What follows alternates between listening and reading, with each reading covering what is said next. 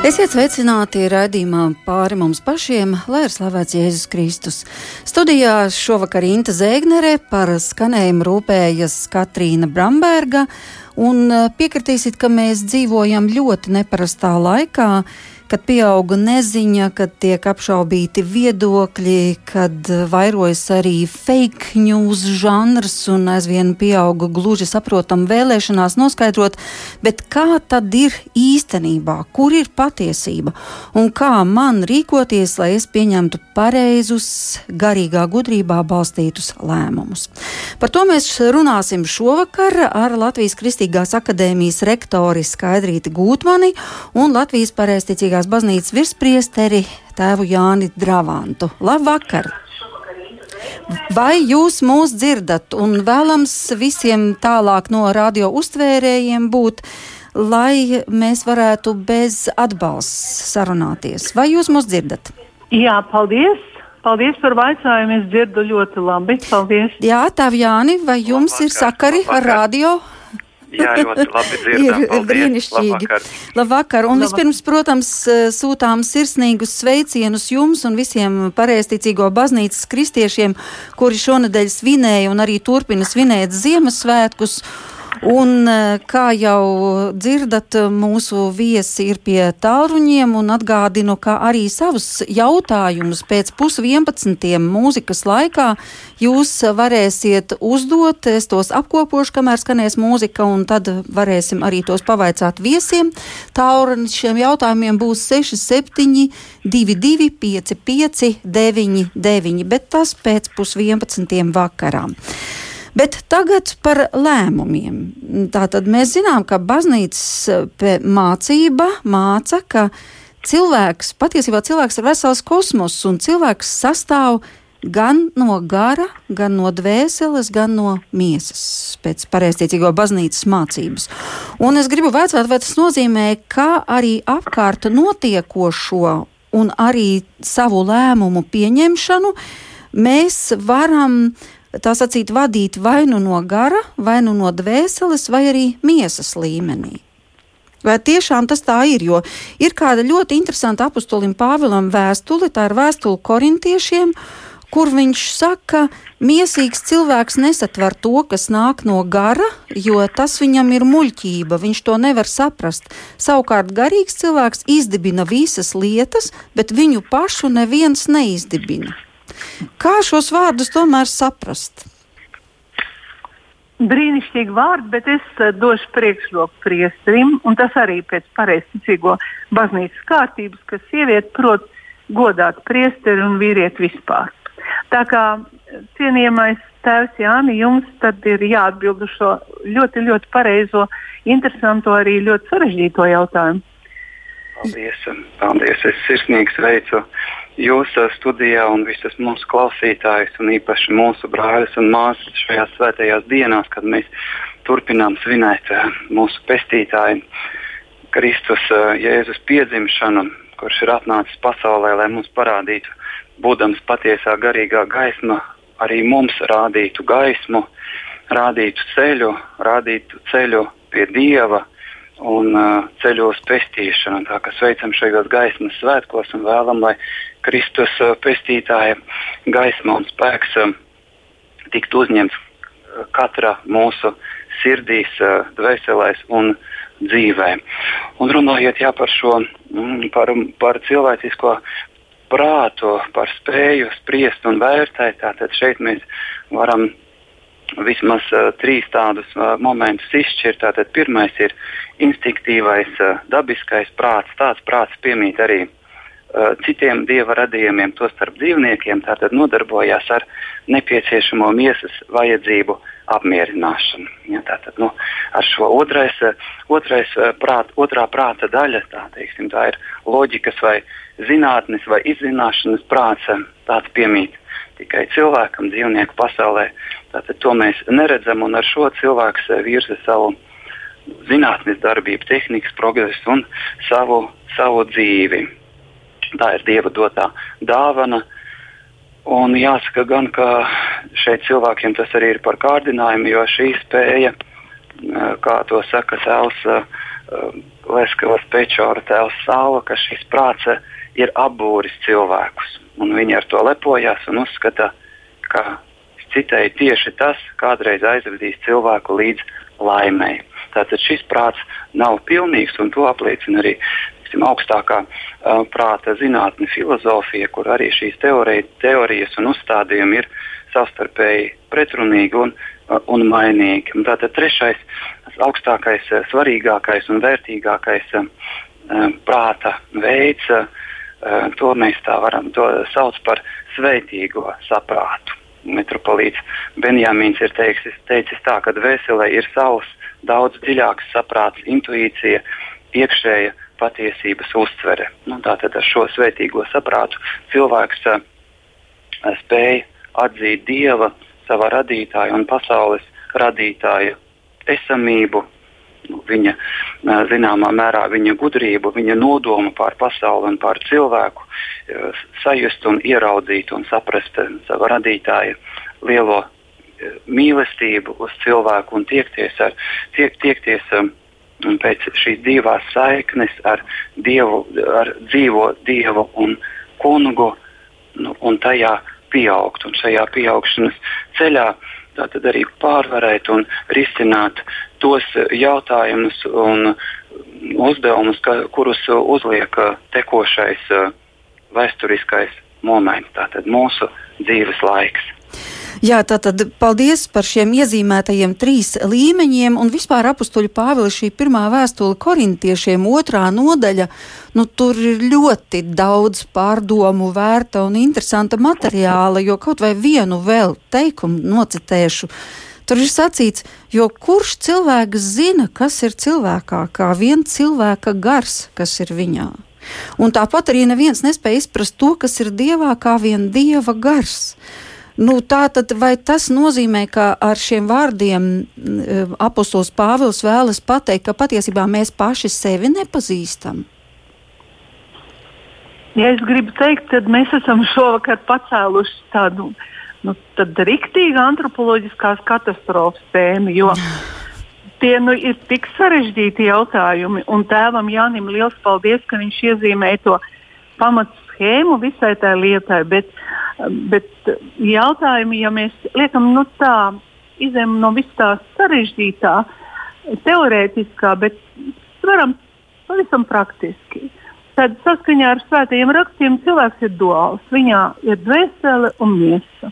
To mēs varam izlasīt gan pirmajā mūža grāmatā, radīšanas stāstā, gan vēlāk arī mūsu kungs, glābējs kungs, Jēzus taču saka, nebaidieties no tiem, kas nogalina miesu. Uh, bet no tiem, kas dvēseli un miesu var pazudināt ellē. Un, un ja es, jūs gribētu aizvest atpakaļ 7. gadsimtā pie izcila baznīcas tēva Damaskas Jāņa, viņš saka, ka katrā cilvēkā ir dzīva, vienkārša, neķermeniska, neredzama, ar miesas acīm, nemirstīga, ļoti apdāvināta, ar saprātu un prātu, bez formas, dvēseli. Un šī unikālā dieva radītā substance darbojas mūsu organiskajā ķermenī. Un tas paradoxālais ir, ka šī dvēsele dod mums ķermenim spēku un dzīvību. Un cilvēki nogurst tāpēc, ka viņu dvēseles ir nogurušas. Un galvenais, ka tas spēks un dzīvība visu laiku atjaunojās. Un tāpēc saruna par vecumu, par cilvēku vecumu ir ļoti relatīva lieta. Un prāts pieder dvēselē. Prāts dvēselē ir tas pats, kas acis mūsu miesai. Tas ir prāts dvēselē. Un dvēsele ir pilnīgi brīva. Mēs gribam, mē, viņi var gribēt, viņi var darboties, viņi var un drīkst mainīties. Un, un tad es teiktu tā, ka cilvēks lūk, ir garīgs izvēles būtne. Man ļoti patīk, kā, kā senie jūdu rabīni tā labi saka Nu, cilvēkam, kas ir labāk, piedzimt vai nepiedzimt? Labāk ir nepiedzimt. Bet, ja nu tu esi piedzimis, tad rūpējies par savu dvēseli. Un galvenais, kas dvēselē ir jāpazīst, ir jāpazīst Dievs. Un ne tikai jāpazīst, bet Dievs jāiemīl. Un no tā būs atkarīgi tavi lēmumi. Un vēl tie jūdrabini ļoti labi saka, no tā būs atkarīgs tavs mugurkauls, proti, tavs stāsts. Interesanti. Jā, bet atgriezīsimies vēl pie šiem diviem pantiem. Tas ir 14. un 15. pants Pāvila vēstule korintiešiem, pirmā vēstule, otrā nodaļa. Eh, vēlāk varat arī paši izlasīt visu šo nodaļu. Bet tur lūk, ir norādīta tāda lieta, ka garīgais cilvēks izdibina visas lietas, bet viņu pašu neviens neizdibina. Nu, vai tā nav viena brīnišķīga padarīšana, ja mēs dzīvojam tādā līmenī, ka mums ir viss skaidrs? Nu, es nesaprotu, kāpēc mūsu pašus nebūtu jāizdibina, bet tomēr tur zem kaut kas slēpjas zem šiem vārdiem apakšā. Nu, mēs taču visi tā gribētu, ka mēs izdibinām visas lietas, ka, piemēram, arī par to laiku, kādā mēs šobrīd dzīvojam, mums garīgi, tā sacīt, gara acīm mēs varam skatīt patiesību, kāda tā ir nevis fragmentus, kādus mums piedāvā no, no visām vietām, patiesus, nepatiesus un tā tālāk. Neviens jau īsti nezina, kā būs, kas būs, bet garīgs cilvēks izdibina visas lietas. Tas nozīmē, ka mums vajadzētu mums vai kādam, es nezinu, svētam cilvēkam, kurš dzīvo Latvijā, vajadzētu būt šai spējai izdibināt visas lietas. Kādam varbūt Latvijā ir skaidrs, kas notiek, vai kā? Dievs kungs ir tas uh, īstais gars, ja, tas sākotnēji primārais gars un visa, visa pārējā um, avots un, un radītājs. Un šim garīgajam cilvēkam, kad uh, apustulis Pāvils saka par garīgo cilvēku, viņam jau šī tā ir spēja, ko viņš ir um, ieguvis no Dieva kunga, un kuru viņš ir uh, izlolojis, izcīnījis ar uh, lielu darbu, ar uh, lielu pašaizliedzības, askēzes, lūkšanu, grēku nožēlas un savas dvēseles un miesas šķīstīšanas darbu. To nevar tā iegūt kaut kādā vieglā vai atvieglotā veidā. Tā, tas ir liela darba rezultāts un liela dievu kunga dāvana. Tātad mums visiem šī iespēja ir atvērta, mums atliek tikai viņu, tikai viņu izmantot. Bet šajā izziņas procesā arī ir jāievēro šis pamatprincips, saprātīguma princips un arī atturības princips, jo nav jau vajadzība uzdot eh, bezgala jautājumus vai, vai viņus stādīt kaut kā tā, um, apējot pamat, apējot pamatlietas. Šīs pamatlietas, kur, par kurām mēs dzirdam, jā, es nobeigšu ar, ar Jāņa Kristītāja uh, Svētā Jāņa Kristītāja vārdiem, kad viņš uh, nāk uh, uh, sludināt jūdejas tuksnesī, saka, atgriezieties no grēkiem, jo debesu valstība ir tuvu klāt pienākusi. Un, mm. un mēs atrodam arī pirmie vārdi, ko Kristus Dievs uh, saka no pirmajiem vārdiem. Jēzus iesāk sludināt sacīdams, atgriezieties no grēkiem, jo debesu valstība ir tuvu klāt pienākusi. Lūk, šis Dieva kunga aicinājums mums skan, nu, un viņš skan cauri arī visai uh, šeit uh, tādā mm, saistībā ar jau pestītāju atnākšanu, bet arī visajā, visā vecajā derībā ar uh, viņa gaidīšanu un šo personīgo, mm, garīgo dzīvi katram cilvēkam. Tātad atgriezieties pie tām normām, pie tām patiesībām un um, kvalitātēm, kādas cilvēkam ir dabīgas, tā ir tā pie tās dieva, dieva, pie tā dēva, dieva uh, sava dieva tēla un līdzības. Mm -hmm. Jā, bet nu, nolaidīsimies plauktu zemāk, tagad, respektīvi, 14. pants.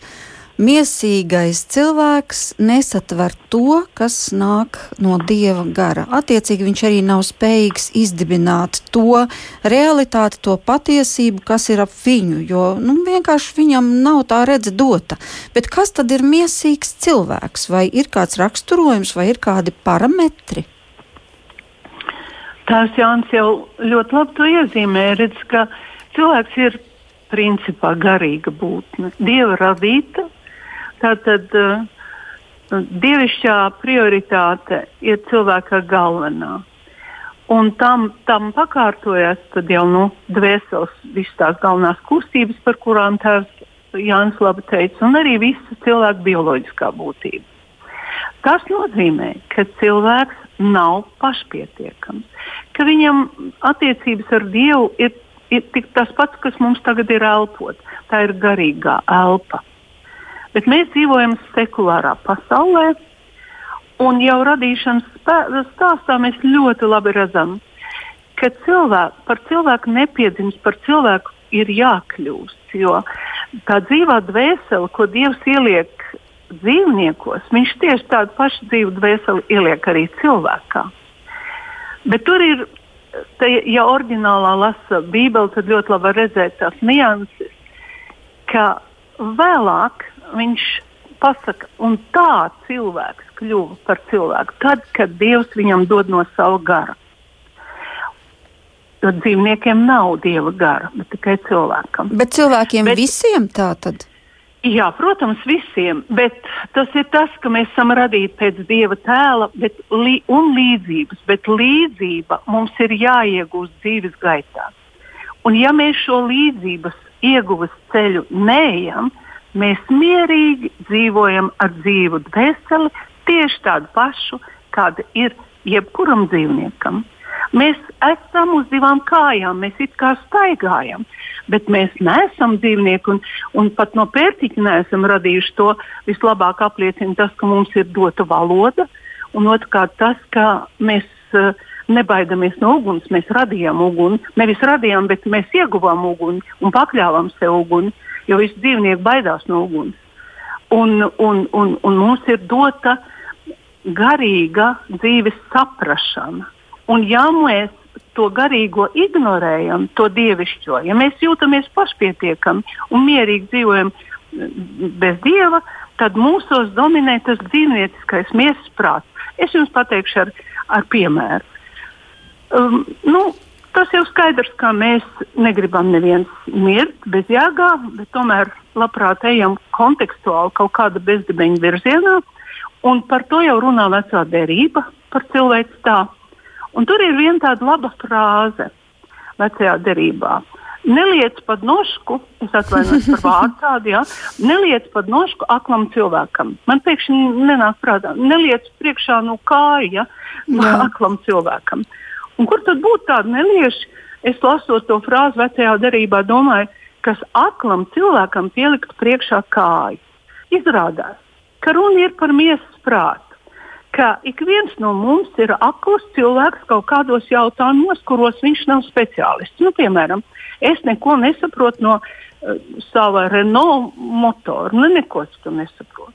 Un, ja es eju pie meistara, tad viņš var, var mierīgi iestāstīt, tev tur ir remonts par 3000 eiro. Un es esmu akls šajā situācijā. Es varbūt būšu izmisusi, ka tāda nauda man jāmaksā, bet meistars var man pierādīt un iestāstīt visu kaut ko, un saka, lūk, tas ir tas, ka cilvēki viens otram kaut ko mēģina iesmērēt, kaut ko izdarīt, kaut ko pierakstīt, kaut ko samelot. Un medicīnā, piemēram, operācijas jau tagad arī ir komerciāla satura. Ja?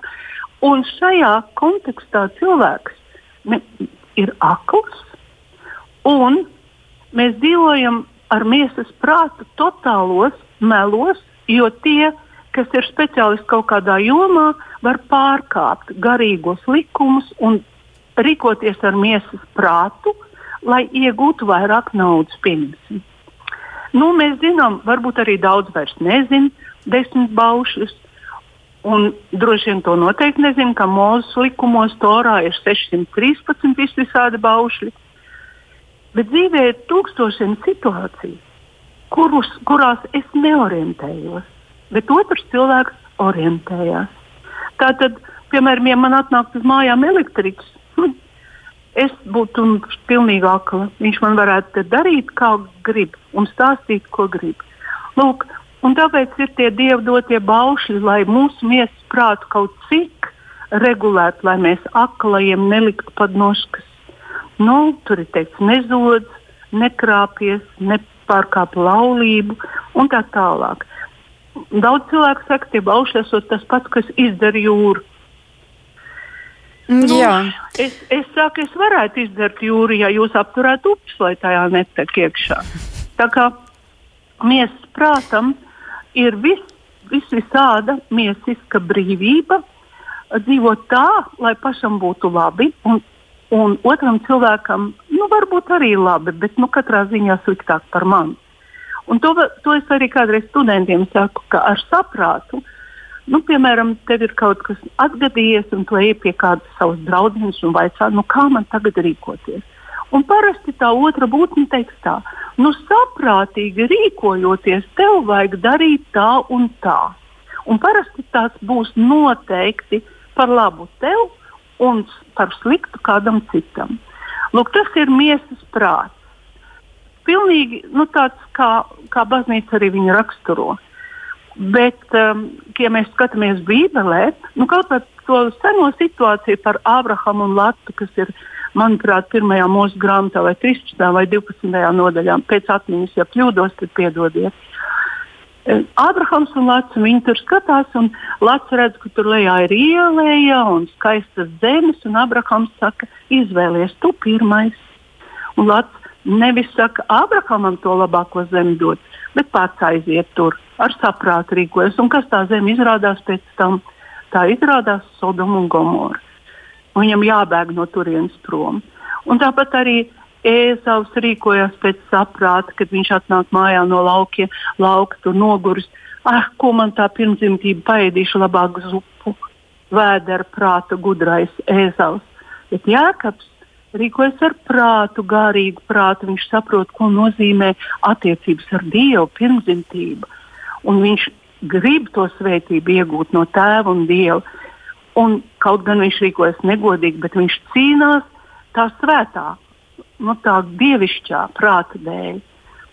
Vai jā, arī jā. Nu, tu, tur to piemēru ir daudz Bībelē. Tūlīt... Izvēlēties, izvēlēties to, kas, ko diktē prāts, nevis saprāts. Jā, eh, labi, mums tūlīt būs pienācis laiks arī eh, atļaut klausītājiem dažus jautājumus uzdot, kamēr eh, skanēs dziesma.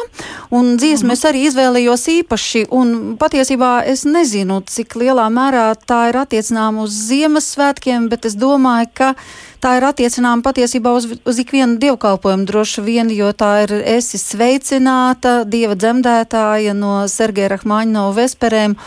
Un tas ir viens no skaistākajiem tādiem garīgās mūzikas šedevriem, ko mums radio kurs nodziedās šo nelielo dziesmu, atgādinot arī to, ka laiks šis ir īpašs. Bet pirms, pirms vēl tam es tomēr gribu vaicāt, nu vai tad nav kāds testiņš, kā mēs sevi varam pārbaudīt, cik lielā mērā mēs vadāmies pēc miesas prāta un cik lielā mērā tomēr mūsos ir šī garīga attīstība notikusi. Ir, vai tad ir, nav kaut kādi parametri? Ir, ir viens tests. Ir. Viens ir ļoti, ļoti labs tests. Un es tūlīt visiem radioklausītājiem to testu uh, nu, lūkšu izpildīt. Aiztaisiet, lūdzu, acis, visi ciet. Paldies!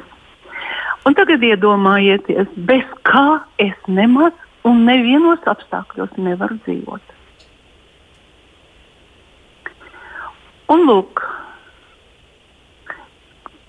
jūs varētu arī uzrakstīt, bez kā jūs nevariet dzīvot.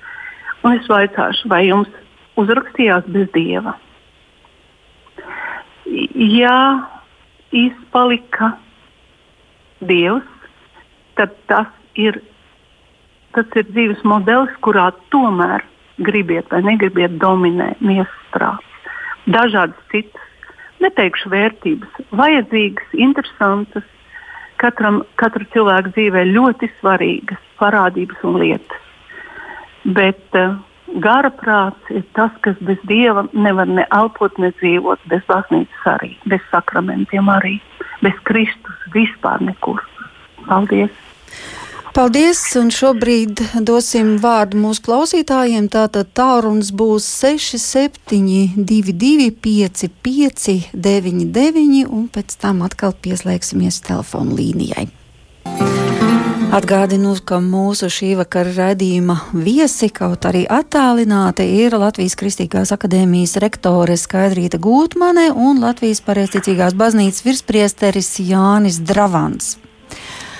Vēl atgādinot par šiem miesas darbiem, eh, lūk, ir tāds jautājums, ko var pieskaitīt pie miesas darbiem? Kas tad ir miesas darbi? Nu, skaidrs, ļoti tests bija precīzs par to, ka bez kā jūs nevarat dzīvot. Ja bez dieva varat, nu tā tad jūs savus lēmumus arī balstīsiet tajā praktiskajā, racionālajā, zemākajā līmenī. Bet vai tie ir uzskaitīti? Jā, miesas darbi tiek uzskaitīti, un apustulis Pāvils arī to dara.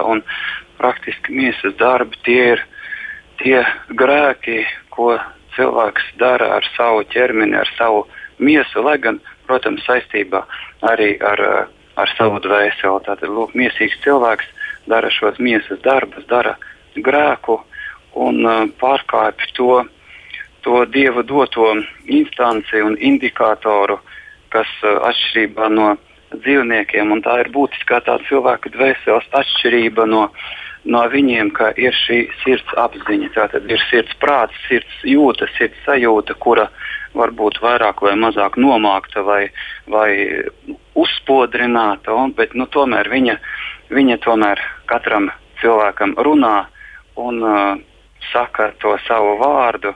Nu, tad arī tas mīsīgais cilvēks cenšas šo vārdu visādā veidā nedzirdēt un neņemt vērā. Un garīgais cilvēks ir tas, kurš šo, šo vārdu uh, tur par, eh, par galveno, par likumu, par pamatprincipu un cenšas tam visādā veidā sekot.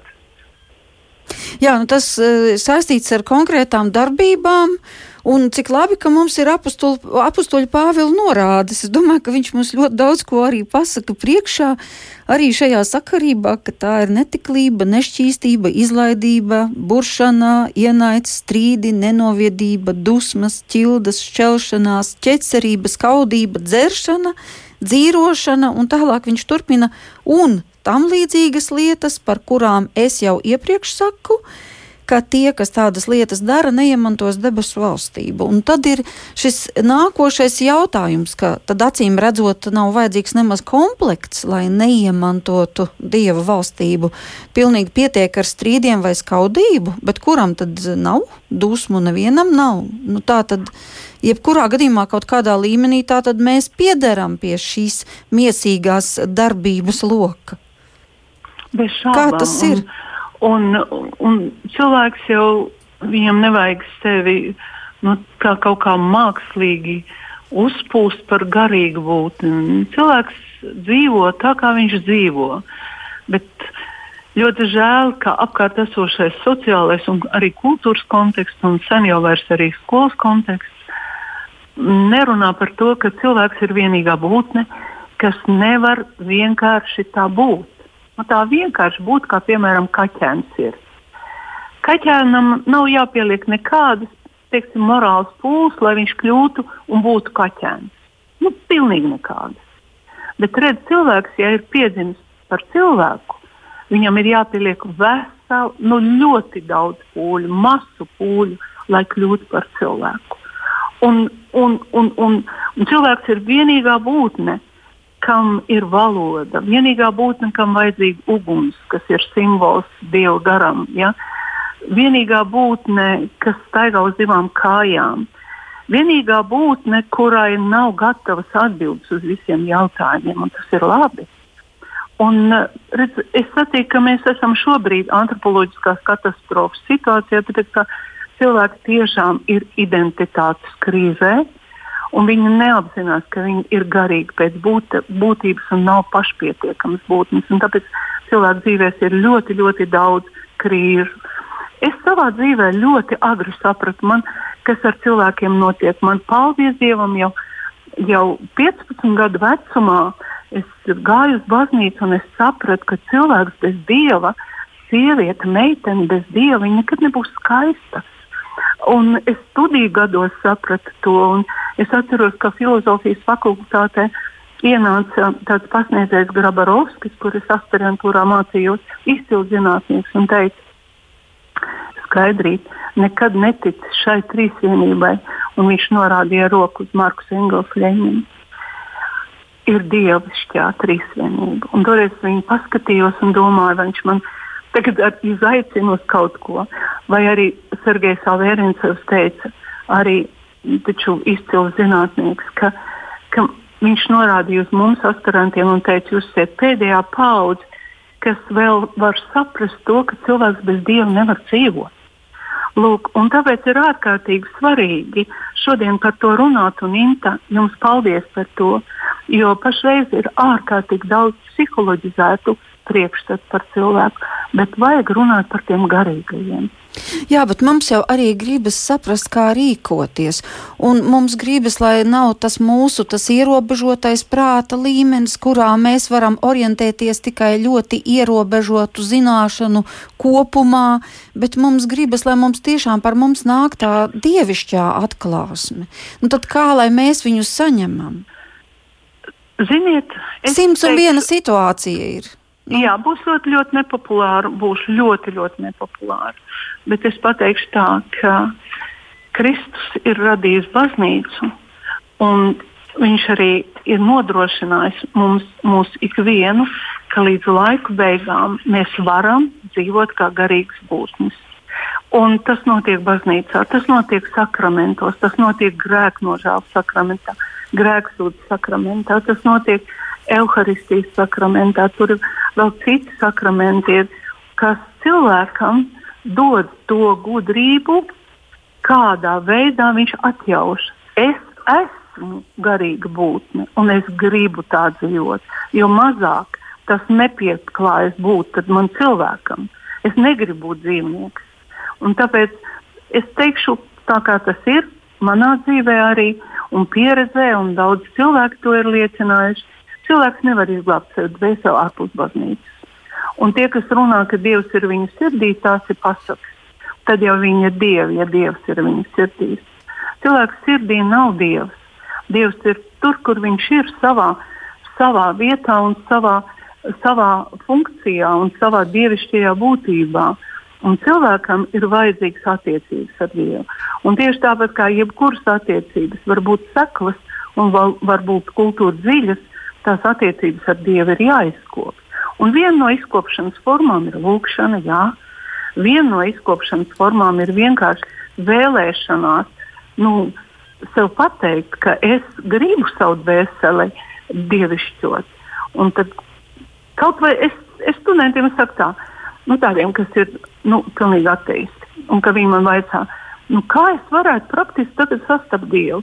Es tad zinu, ko vakarā, kad visi ir aizgājuši gulēt, aizēju savā virtuvē, paņemu krēslu vai ķeblīti un apsēdies.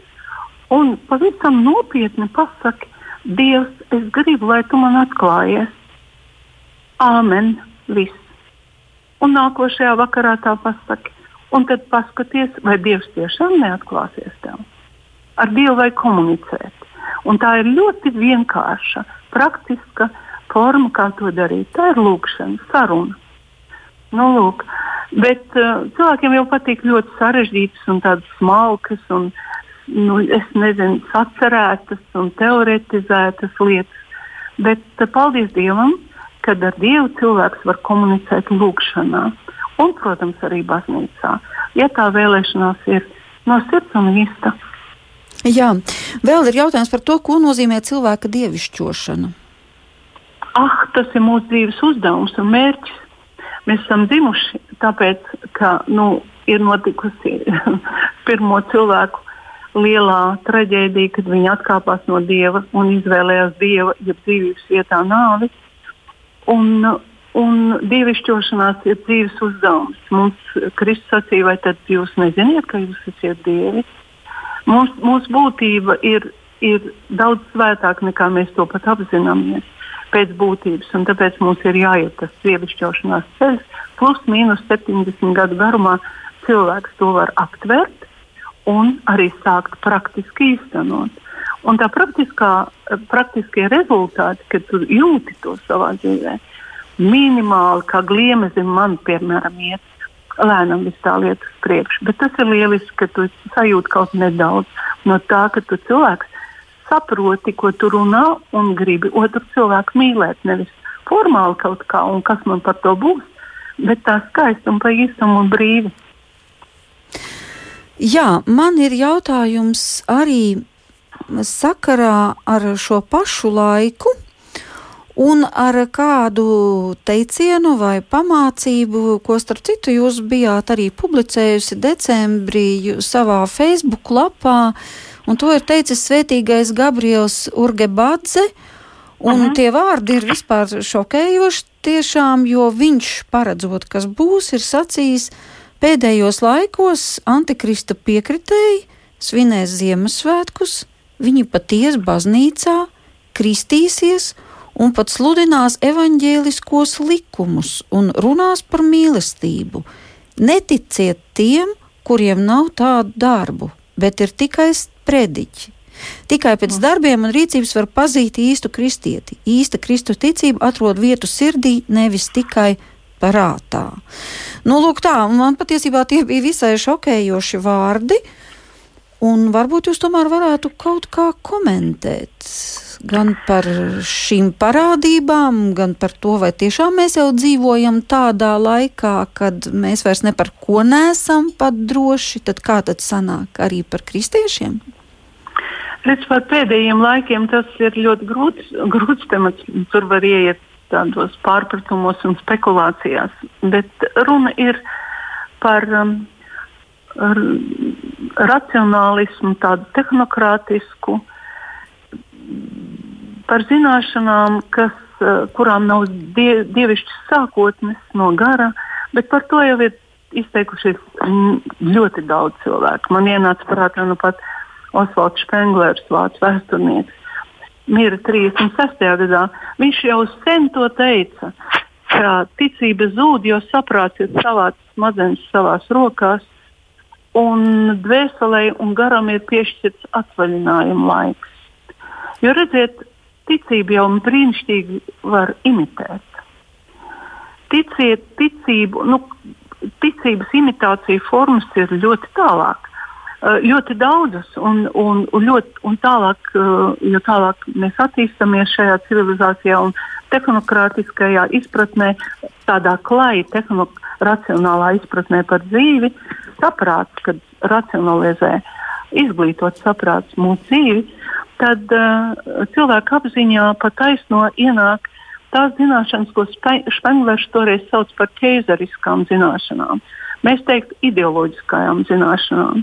Un tās pārņem saprātu, miesas prātu pēc būtības. Un, uh, un tā ir dievišķā un tumsas gara cīņa cilvēkā. Un tieši baznīcā arī tas var notikt. Ka ar racionālu prātu uh, īsteno visu, ko jādara liturģiskajā kārtībā, bet uh, ticība ir sekla. Viņa neiet to, to ceļu, par kuru tu runāji tēvs Jānis, ka tas ir grūts ceļš, tas ir ticības varonības ceļš. Un, ja to neiet, tad uh, saprāts apkalpo vienmēr tumsu pa priekšu un tikai ja sanāk, tad domā par gara lietām. Un tā var notikt. Jo, redziet, cilvēks ir pārliecināts šobrīd, ka ekonomiskie faktori nosaka labklājību. Un tikai. Un ka labklājību nodrošina sirdsapziņa vai brīvība vai ticība, kas tam vairs ir? Racionālo tehno civilizāciju, kurā mēs tagad esam iegājuši, tādai civilizācijai nav vajadzīgi ticīgi cilvēki.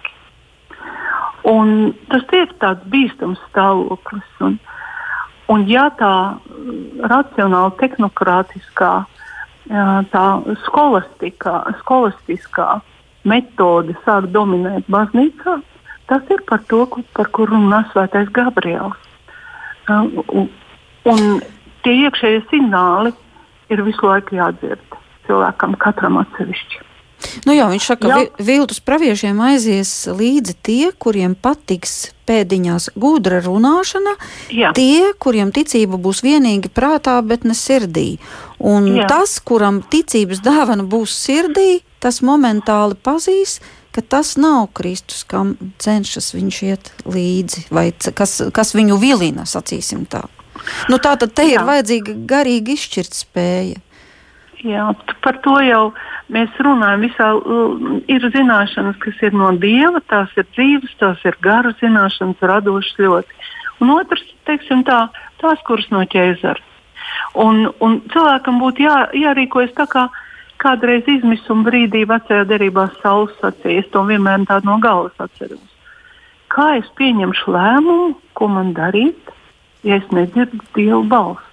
Jā, tas ir ļoti svarīgs jautājums arī jā, šodien. Jā. Nu, tā, ties, tieši tā, kā tu atšķirsi uh, vilcis pravietu no īstenā priestera, ja tu sevi nedzirdi Dievu balsi. Ja tu nera, nelasi rakstus, ja viņi tev ir garlaicīgi, ja tu neej pie sakramenta, un pats galvenais, ja tu nesūdz grēkus.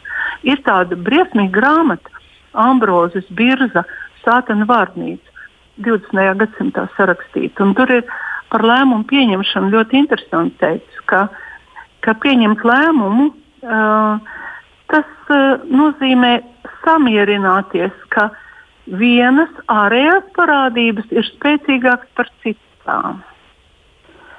Saprotiet, uzvar spēcīgākais, bet dievišķajā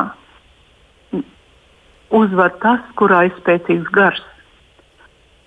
Sataniskajā pasaulē viss uzsvars ir uz ārējo, uz miesisko, uz to, kurš ir stiprāks. Nu, tur ir arī tās atšķirības galvenās. Jā. Tāpēc vajag mācīties izvēlēties maksimizēt, maksimizēt sevi garīgu izvēli. Jā, tātad trīs punktus jūs jau minējāt. Svēto rakstu lasīšana, kas mūsu prātu apskaidro um, grēku sūdzi, tā es sapratu, Jā. un trešais bija kas? Nu kā, nu tā ir lūkšana, nu, komunikācija ar Dievu. Nu, Dievs jau saka, ja Kristus sacīja, lūdziet dievīgu brīdi. Nu, tā ir vesela pasaule, kā tas notiek, un tā ir burvīga pasaule. Nu, Lūk, nu, to vajag maksimizēt. Minimalizēt visas tās citas lietas, kuras garu atbīda 3. un 50. plānā. Jā, tēv Jāni, es gribu vaicāt arī par varbūt pareiziem uzstādījumiem tajā nozīmē, ka tad, kad mēs gribam pieņemt lēmumus, tad um, um, pēc kāda labuma mēs vadāmies, vai mums būtu jāuzstāda arī šāds jautājums.